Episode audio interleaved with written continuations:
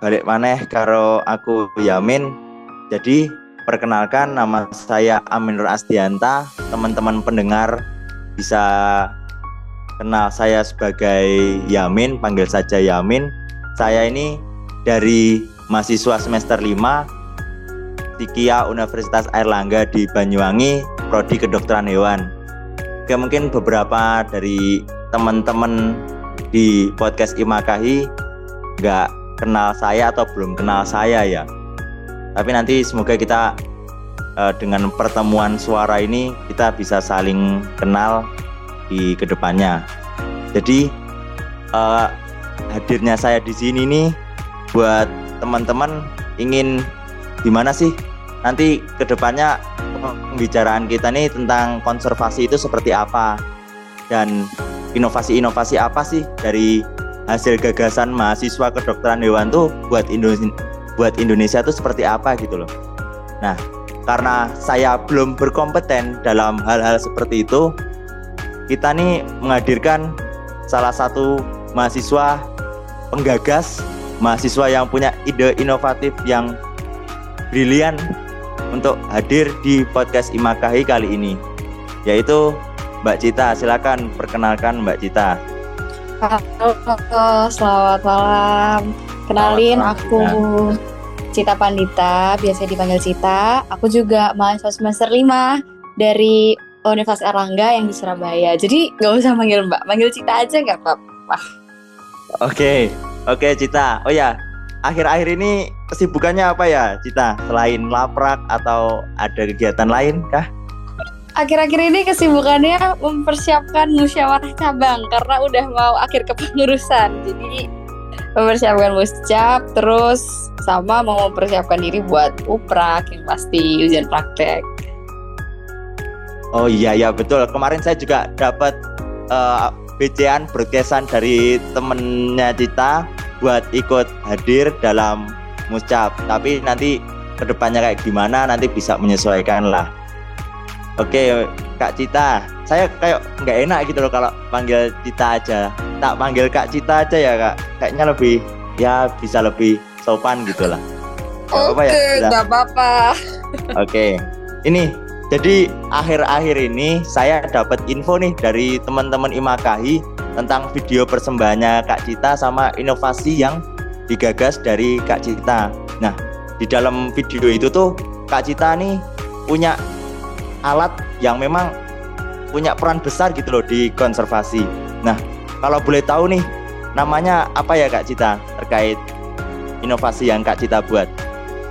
Oke, terima kasih ya sebelumnya atas intensinya. Jadi uh, alat ini namanya relevan atau Rescue the Elephant. Di sini aku tuh sebenarnya nggak kerja sendiri, jadi aku kerjanya berdua sama temen aku namanya Aan. Dia juga uh, anak FKH juga uh, asalnya juga dari Surabaya. Untuk relevan ini sebenarnya dia itu bukan pure murni di mana aku menciptakan sesuatu yang baru, tapi aku mengupgrade sesuatu yang udah ada, terus aku combine. Jadi contohnya kayak detektor panas, seperti yang kita udah tahu, detektor panas tuh emang sudah ada dan sudah melalang buana. Nah, tapi kemudian aku combine itu dengan uh, pemancar air Tuh. Namanya relevan rescue dia. Oke, Kak Cita. Relevan ini kan uh, termasuk artificial intelligence juga. Nah, berarti itu ada kombinasi tentang sensorik juga ya? Karena kan kita uh, terkait video yang Kak Cita buat ini ada singgungan terkait pemanasan global yang menyebabkan relevan ini ada. Jadi backgroundnya itu terkait pemanasan global terus ada apalagi kakak yang membuat kakak ini pengen menggagas relevan ini? Oke, jadi sebenarnya uh, video ini karena itu kan bentuknya seperti proposal dalam bentuk video gitu ya. Itu tuh aku okay. sebenarnya mengikuti sebuah lomba gitu kan. Uh, temanya juga artificial intelligence untuk melestarikan habitat gajah dan lingkungannya. Sebenarnya ide ini tuh muncul aja seketika bahwa karena aku kan juga jujur saja tidak punya banyak pengalaman di bidang teknik, kemudian uh, sensorik dan lain-lain. Tapi aku tercetus saja. Keren, keren. Pas itu pas Surabaya tuh lagi panas-panasnya. Nah, terus aku kayak, oh iya ya, kebakaran hutan, masih banyak banget kebakaran hutan. Kemudian gajah itu habitatnya di mana di hutan. Nah, uh, aku sering kali beberapa kali lihat ada beberapa gajah ya itu yang uh, dia tuh terjebak di dalam kebakaran hutan. Selain gajah mungkin ada hewan-hewan lain yang juga terjebak hmm. di kebakaran hutan. Nah, akhirnya aku dan tem dan tim itu memanfaatkan oh ya ya ini ada namanya uh, sensor panas gitu. Sensor panas yang bisa mendeteksi kapan kira-kira ini hujan, kapan kira-kira ini kebakaran. Nah, sensor yang kami buat itu adalah jadi itu ada dua alat gitu hmm. dua alat yang satu dia itu sensor untuk mendeteksi uh, kapan ini terjadi kekeringan kapan terjadi kekeringan kemudian kapan ini terjadi percikan api dan kapan ini terjadi kebakaran besar jadi kurang lebih ada tiga sen ada tiga tiga tipe gitu ya nah setiap tipenya misalnya dari uh, kekeringan. Ini hutan ini lagi terdeteksi kering, maka dia itu akan memancarkan uh, si apa ya? memancarkan sinyal gitu ke iya, saluran yeah. bawah tanah yang dia itu udah ada airnya, sudah ada saluran airnya. Jadi nanti uh, sesuai dengan misalnya karena itu kekeringan, akhirnya dia akan mengeluarkan jumlah air untuk mencegah kekeringan terjadi. Kalau misalnya terjadi kebakaran besar, maka jumlah airnya itu akan bertambah yang dipancarkan. Harapannya apa? Harapannya adalah supaya kebakaran hutan ini tuh bisa dicegah lebih peluasannya tuh bisa dicegah gitu loh. Jadi nggak nunggu kebakarannya tuh besar dulu gitu enggak, tapi uh, dia itu selain apa namanya memancarkan air juga memberikan detektor gitu ke pemerintah-pemerintah setempat atau petugas-petugas tersempat kayak eh ini ada ada kebakaran gitu. Sebenarnya oh. simpel itu sih. Oke, saya juga nangkep kak terkait penjelasan kak Cita sama video yang memang kakak buat. Jadi karena memang di bawah itu ditunjang sama pasokan air mengalir entah dari sungai ataupun sumber air. Jadi di situ pun nggak uh, serta merta mendadak ketika ada lonjakan panas dari suhu lingkungan karena kebakaran atau kekeringan. Tapi di situ tuh sudah ada antisipasi biar uh, kawanan gajah atau kawanan satwa liar yang ada di sekitar relevan ini nih punya waktu buat meninggalkan tempat di situ atau bisa mengantisipasi terjadinya kebakaran gitu ya kak? Iya benar. Jadi ada kayak uh, sound suara gitu. Kami menciptakan sound suara yang misalnya uh, kebakarannya di titik A, maka sound suara yang ada di titik B ini tadi itu akan mengeluarkan uh, suara kawanan gajah dengan harapan gajah-gajah itu bisa keluar dari lingkup kebakaran. Nah, tapi emang harus digarisbawahi kami juga sempat berkon apa berkonsultasi begitu hmm. bahwa ini ide yang bagus tapi memang perlu di apa namanya ditelaah lebih dalam lagi gitu apakah karena kan gini ya kalau kita mau masang pipa di bawah tanah tuh butuh kalau hutan mau seluas apa yang dipasang gitu kemudian ya. Uh, perlu ada pendalaman lagi tentang kayak uh, apakah benar gajah itu akan siap datang kepada suara-suara kawanan gajah gitu. Jadi okay. uh, eh, sebenarnya kalau dari kemarin penjurian itu tuh masuk akal gitu ya. Cuman memang harus diperdalam lagi dan kalau kami dari sudut pandang kami sih ini tuh bisa dipakai paling kecil itu di lahan-lahan konservasi gitu.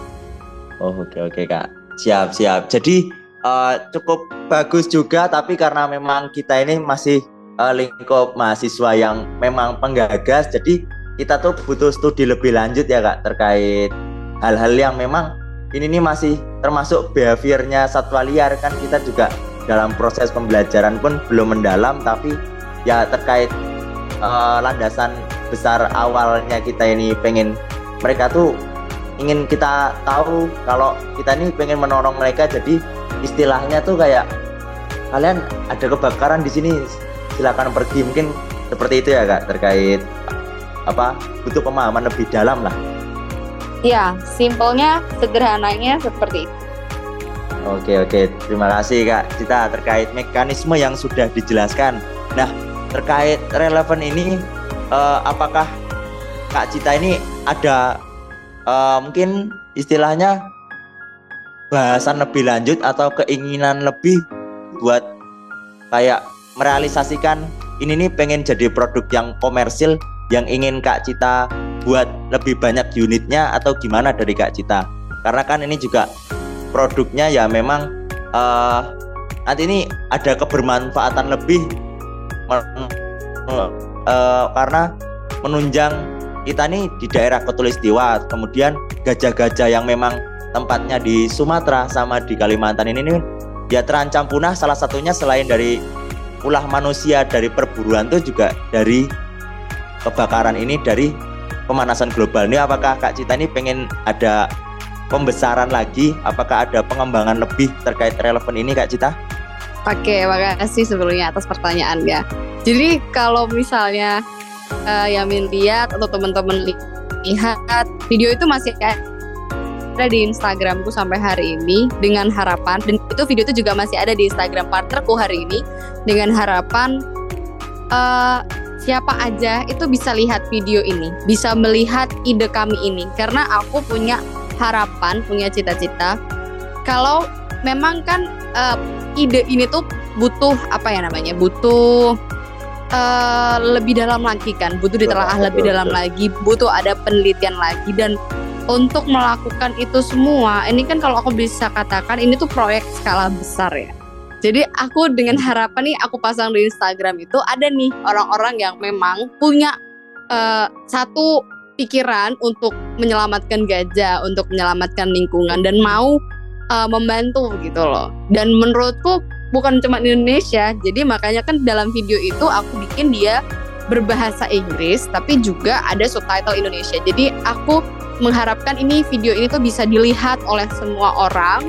Dan maybe mungkin one day ada yang mau membiayai atau amin, mau membantu. amin, amin, amin ya kan? kan biar tersemoga kan iya amin. Ya gitu. Makanya uh, sampai saat ini istilahnya adalah aku masih menjual video itu tuh aku masih taruh di Instagram dengan harapan semua orang bisa lihat atau siapa yang mau mendanai gitu ya berbesar hati Betul, kayak nih aku ada nih sekian dana kamu lakukan penelitian aku dengan senang hati melakukan itu gitu. Oke Kak Cita, ya benar sekali. Dari maksudnya kita nih juga mahasiswa yang memang ya tempat kita belajar, tempat kita munculnya ide-ide nih ya ketika kayak gini kayak gini. Jadi uh, fase kita belajar maka fase kita inovasinya ini muncul juga. Jadi kalau dari pribadi saya sendiri memandang Kak Cita ini juga ya concern dari konservasinya ini cukup tinggi. Karena kalau dilihat dari ya saya ngaca gitu loh. Saya ngaca yang mahasiswa juga semester 5 kayak Kak Cita tapi ya belum punya pandangan luas kayak Kak Cita. Belum ada kayak inisiatif. Tapi dari Kak Cita ini saya ngelihat uh, wah ternyata ada mahasiswa yang memang punya concern lebih dan membuat saya iri karena wah keinginan dari Kak Cita ini ya gede gitu loh buat kemaslahatan cucu cicit kita biar satwa-satwa liar yang memang endemik di Indonesia cuman ada di Indonesia nih biar cucu-cucu kita tuh apa ya kayak uh, punya peluang lihat peluang apa namanya eksisten loh eksistensinya itu masih ada sampai bertahun-tahun selanjutnya nggak punah-punah lah harapannya gitu ya Kak Cita iya betul sekali. Oke oke Kak Cita ini terkait uh, relevan ini selama pengerjaan itu menghabiskan waktu berapa bulan sih Kak Cita buat ini? Kayak menggagas ide kemudian uh, menyusunnya di proposal dan dilombakan itu menghabiskan waktu berapa minggu atau berapa bulan ya Kak Cita? Kira-kira aja. Kira-kira ini aku tidak akan memberi kira-kira. Tapi aku okay, okay. mengerjakan ini itu hanya dalam waktu tiga minggu.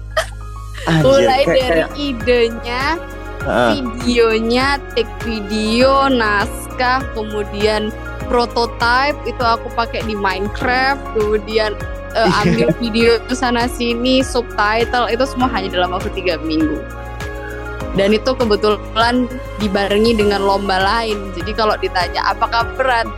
Wacau malah waktu itu. Kayak sempet ada momen-momen Hah, aku wes gak bisa sini berhenti aja gitu. Tapi ternyata uh, alhamdulillah puji Tuhannya masih ada niat gitu ya. Sisa-sisa niat itu masih iya. ada. Dan apa namanya dan aku punya teman-teman yang suportif karena kan untuk mengerjakan video seperti itu ya video cuma tiga menit tapi, waktunya tiga minggu. hmm, tapi bagus loh kak sumpah. Maksudnya saya nih kayak ya kita kan sama-sama mahasiswa semester lima, cuman kayak program studinya ya beda gitu. Kayak saya tuh bikin video tugas terstruktur entah matkul-matkul yang ada di FKH tuh kayak ya apa kayak ita itu maju mundur gitu loh. Tapi karena ya hasilnya juga karena hasil apa niatnya Ita itu maju mundur ya hasilnya kayak gitu kayak gitu aja gitu. Tapi melihat Kak Cita dengan effortnya bikin subtitle itu juga nggak nggak nggak gampang gitu loh sama pronunciation atau pengucapan kata-kata di videonya itu sih juga nggak nggak nggak gampang gitu loh. Tapi ya karena lihat videonya kayak gini berarti effortnya juga sebesar itu loh Kak Cita kalau saya pandang.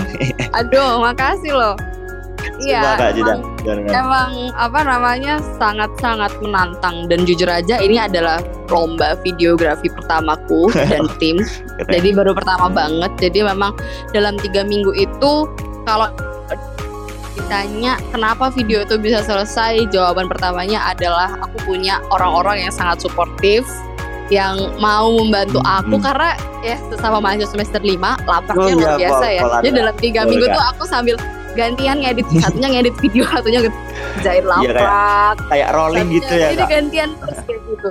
Nah, rolling gitu dan yang pasti teman-teman luar biasa. Oke okay. ya ini uh, enak. Maksudnya keberuntungan kita juga berkuliah di kedokteran hewan itu juga ya kita istilahnya senasib sepenanggungan gitu karena kita juga uh, mungkin dari Kak Cita dan teman-teman yang memang suportif dengan Kak Cita ini ya merasakan hal yang sama dan ingin punya tujuan besar bersama gitu. Jadi kalau saya pandang pun ya beruntung sekali juga Kak Cita bisa berteman dengan teman-teman yang memang punya uh, keinginan sama buat merealisasikan idenya Kak Cita ini karena memang uh, kalau saya pandang dan masyarakat pandang itu ya ini konservasi yang memang uh, dibutuhkan gitu loh.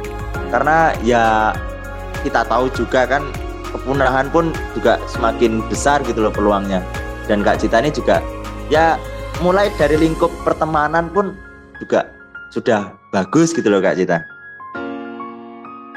Iya makasih ya. Emang emang Alhamdulillah ya puji Tuhannya punya teman-teman yang suportif ya. gitu. Betul Kak Cita. Oh ya uh, mungkin apa ya uh, terkait relevan ini nih punya apa namanya kalau dari saya pandang pun karena kan itu kan proyeknya menara ya kak jadi uh, apakah di situ tuh ada kayak controller atau memang ada operatornya atau memang uh, di hutan saja nanti ada jadwal piketnya itu mungkin dari kak Cita ada pandangan seperti itu atau tidak kak?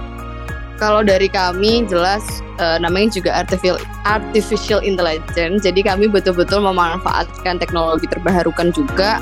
Maksudnya kayak okay. kita maksudnya ya teknologi terbarukan itu seperti apa dan kami ya mungkin mungkin kayak ini ya uh, setiap sebulan sekali gitu ya, ya software mungkin sebulan sekali kita okay. lihat apa gitu jadi kontrolernya memang dari jauh gitu oke okay, kalau okay. memang itu betul-betul dipakai di hutan ya ya gitu. ya kak Oke, uh, makasih Kak Cita ini juga saya juga dapat pandangan baru gitu loh terkait uh, apa namanya yang konservasi ini nggak cuman ya kita berkoar-koar tentang ayo selamatkan hutan, ayo jaga lingkungan kita dari kepunahan hewan satwa langka gitu loh yang memang di Indonesia ini endemik. Tapi di uh, apa namanya ya seperti sharing-sharing kayak gini nih membuka pandangan baru saya gitu loh. Oh ya buat Kak Cita ini uh, mungkin harapan besarnya ya selain dari terrealisasikannya unit relevan ini pun juga ada kebermanfaatan yang lebih gitu karena cakupannya nggak cuma di Indonesia aja yang Kak Cita tapi di seluruh dunia ya Kak. Ah, gimana gimana? Jadi kayak apa namanya ya mungkin harapannya Kak Cita ini uh, dari relevan ini nih sebagai pelopor yang memang nggak cuma di Indonesia aja ya bisa digunakan iya, di betul seluruh dunia gitu ya kak kalau bisa di seluruh dunia. Tahu nggak harapan aku? Aku pengen uh, one day apa yang aku buat itu apa pun itu bisa masuk Net Geo Wild. Jadi okay. bisa di apa namanya bisa iya kan maksudnya bisa ya karena kan uh, aku tuh orangnya sangat sangat sangat takut sebenarnya kayak dokter hewan ini hmm. aku nanti jadi apa ya sedangkan aku itu orangnya suka berapa ya istilahnya tuh suka suka hmm. film, terus suka director, terus aku tuh suka fotografi. Hmm. Itu sangat bertolak belakang dengan uh, apa yang kita ya, pelajari di kedokteran hewan ini. Nah, jadi uh, apa ya kira-kira yang bisa aku lakukan gitu. Nah, salah satu cita-citaku adalah berarti aku harus memutar otak, aku harus bikin nih inovasi-inovasi uh, seperti relevan ini yang nantinya one day itu bisa masuk Net Awal. Jadi kalau misalnya apa namanya uh, ini karya siapa atau inovasinya siapa tuh namaku atau nama tim itu bisa ada di okay. situ. Gitu. Ya kita doakan, kita kawal, saya kawal ya, saya, saya pribadi kawal karena saya juga uh, menonton dan oh ini nih gagasan relevan tuh kayak gini dan mendengar langsung dari pelopornya, dari perintisnya itu Kak Cita dan tim itu tuh ya udah apa ya kayak membuka pandangan baru saya malam ini karena kita tag podcastnya malam ini. Jadi itu ya ini cukup bagus lah untuk saya dengar dan saya kawal gitu ke depannya. Oke uh, sekali lagi terima kasih Kak Cita atas sharing sessionnya malam ini. Uh, saya juga ingin kasih step statement ke teman-teman pendengar kita entah dari teman-teman mahasiswa kedokteran hewan ataupun dari teman-teman yang mungkin masih awam tentang konservasi maupun proses belajar kita sebagai mahasiswa Kak Cita. Iya. Oke. Uh, mungkin ini kalau sebagai kita anak-anak mahasiswa khususnya mungkin semester 5 karena kita juga mengenyam pendidikan semester 5 saat ini nih jangan kalah sama tugas dan ngelaparan karena setiap dari kita ini punya kayak kelebihan masing-masing. Tapi bukan karena kita mampu atau enggak, tapi karena kita mau atau enggak. Yeah. kayak Kak Cita ini bisa ngeliat lingkungan. Terus kayak wah Surabaya sore iya kanane neng Sumatera neng Kalimantan tuh gimana sih? Apakah gajah dan harimau-harimau tuh ngerasain yang kita rasain juga iya, gitu. betul. Jadi kak kita tuh kayak kepekaan lingkungan gitu kayak Kak Cita rasain ini. mm. Oke. Okay, uh, okay. Ada sih yang sama penting... aku mau kasih. Ini mungkin terlepas dari konservasi ya ya gitu. silakan Kak Tapi mungkin kayak buat temen-temen semua ya di luar sana maupun itu mahasiswa FKH ataupun bukan uh, ketika kita tahu ya kayak aku tuh nggak bisa deh aku tuh nggak mampu deh itu jangan berhenti di situ tapi ditelaah dulu kamu tuh tidak mampu karena kamu tidak pernah mencoba atau memang karena kamu tidak bisa. Itu yang akhirnya pada terakhir kali aku bikin video itu ternyata di tengah-tengah bikin video kan aku merasa nggak mampu ya. itu karena ternyata aku tidak mau untuk mencoba lebih gitu loh. Bukan karena aku tidak bisa. Hmm. Jadi Ya bener kata Yamin tadi, bukan karena bisa atau tidak bisa, tapi mau atau tidak mau. Oke. Okay gitu karena apa ya selain kita punya temen yang memang suportif dan lingkungan yang suportif dengan kita tuh kayak ya karena kita hidup di lingkungan sehat kita juga apa ya pemikiran kita juga uh, konstruktif gitu kayak wah kalau kita gagal di sini pun kita masih bisa belajar gitu betul kata Kak Cita karena kita nggak cuman bukan karena kita hanya jatuh sekali terus berhenti tapi kita tuh masih bisa bangkit. Kecuali ya kalau memang ajal kita menjemput nah itu baru kita menyerah. Kalau menurut saya itu kayak gitu iya pokoknya jangan pernah menyerah dan sesuatu yang didapatkan dengan mudah itu tidak akan bertahan lama. Mm-hmm. yes itu ininya. Itu udah yang harus dipegang. Oke okay, okay. effortnya saya rasain ini walaupun ya literally mungkin orang-orang awam kiranya tiga minggu ah sepele dibanding orang. Tapi ya saya karena mendengar ungkapan dari Kak Cita ini pengalamannya mulai merintis kayak gimana. Terus jatuh bangunnya sebagai mahasiswa kedokteran semester 5 eh, kedokteran hewan semester 5 tuh kayak gimana jadi ngerasain banget gitu loh Kak. Oke wah enak banget ini sharingnya. Jadi uh, mungkin ini aja teman-teman terkait sharing sessionnya kali ini terima kasih Kak Cita udah hadir dan mau bersamai saya dalam sharing kayak gini. Iya, terima kasih juga Yamin udah. Ini panggilannya sebenarnya Yamin apa Amin tau? Ya ini, jadi ya mungkin nama saya tuh sebenarnya Aminur, tapi karena saya juga orang Jawa dulu tuh sakit-sakitan. Oh. Jadi uh, okay. kalau istilah Jawanya tuh keberatan nama Kak Cita. Jadi Iya, iya. Um, nickname-nya nama panggilannya diganti Yamin. Oke, aku Yamin. Terima kasih banyak ya udah okay. memilih. Oke, okay, Kak Cita. Oh ya, BTW Kak Cita semoga ini. Yamin sehat selalu. Oke, okay. uh, sama Kak Cita ini. Makasih buat bantuannya kepada Banyuwangi terkait pasokan-pasokan soal dan apa pun yang memang dikirim dari Kak Cita dan teman-teman. ini saya pengen ungkapin ini juga. Kembali. Oh kalian masih ingat aku ternyata. Ingat terus Kak Cita, ya. sumpah saya tuh kaget kan Kak Cita ini terkait Putra ini kan uh, dari teman Imakai salah satunya Putra tuh ngubungin saya minta tolong. Ya coba uh, mungkin dari Kak Cita nih kayak ditanya-tanyai uh, buka sharing diskusian. Oh Kak Cita nih kok eh pernah denger, pernah denger. apa maksudnya sering sering ngasih apa pun ke Banyuwangi jadi kayak kontribusinya besar gitu loh kak. Ya saya juga sebagai komting tuh mewakili teman-teman juga makasih banget. Iya, aku juga makasih banyak. Aku juga temenan sama Ariel, jadi kan Nah, ya itu saya kenal dari Ariel kak. Uh, kan happy ya punya teman-teman yang suportif dan luar biasa. Ya semoga ya, teman-teman semua, teman-teman BWI semuanya sehat. Salam dari ada di Surabaya dan ya, yang paling penting semoga uh, next year tahun depan Imakahi Surabaya dan BWI bisa makin kolaborasinya makin kuat itu aja harapan amin, amin. Oke oke, makasih Kak Cita. Iya. Oke, uh, mungkin pertemuan kita cukup sampai di sini, tapi semoga di pertemuan selanjutnya kita bisa dipertemukan kembali. Amin. Terima amin. kasih Amin. Oke Kak, silakan jika Kakak Cita ini ingin ada kegiatan, kayaknya ada kegiatan selanjutnya, dipersilakan undur diri Kak Cita. Makasih Kak. Oke, kalau gitu aku pamit ya. Assalamualaikum Oke. warahmatullahi wabarakatuh. Selamat malam. Waalaikumsalam wabarakatuh. Dadah Kak Cita. Oke, Dadah. Yes, makasih uh, atas kebersamaannya pada episode podcast Imakayu malam hari ini. Semoga kalian bisa mendapatkan ilmu lebih di sini dan saya juga mohon maaf atas kekurangan saya dalam menyampaikan apa yang harus disampaikan dan terima kasih guys. Sampai bertemu di episode selanjutnya. Selamat malam semua.